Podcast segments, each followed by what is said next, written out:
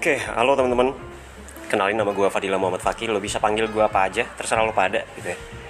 Dan ini adalah pertama kalinya gue coba implementasin hal yang selama ini pengen gue lakuin di platform ini pastinya. Yaitu ngecoba formula gue namanya bedah quotes.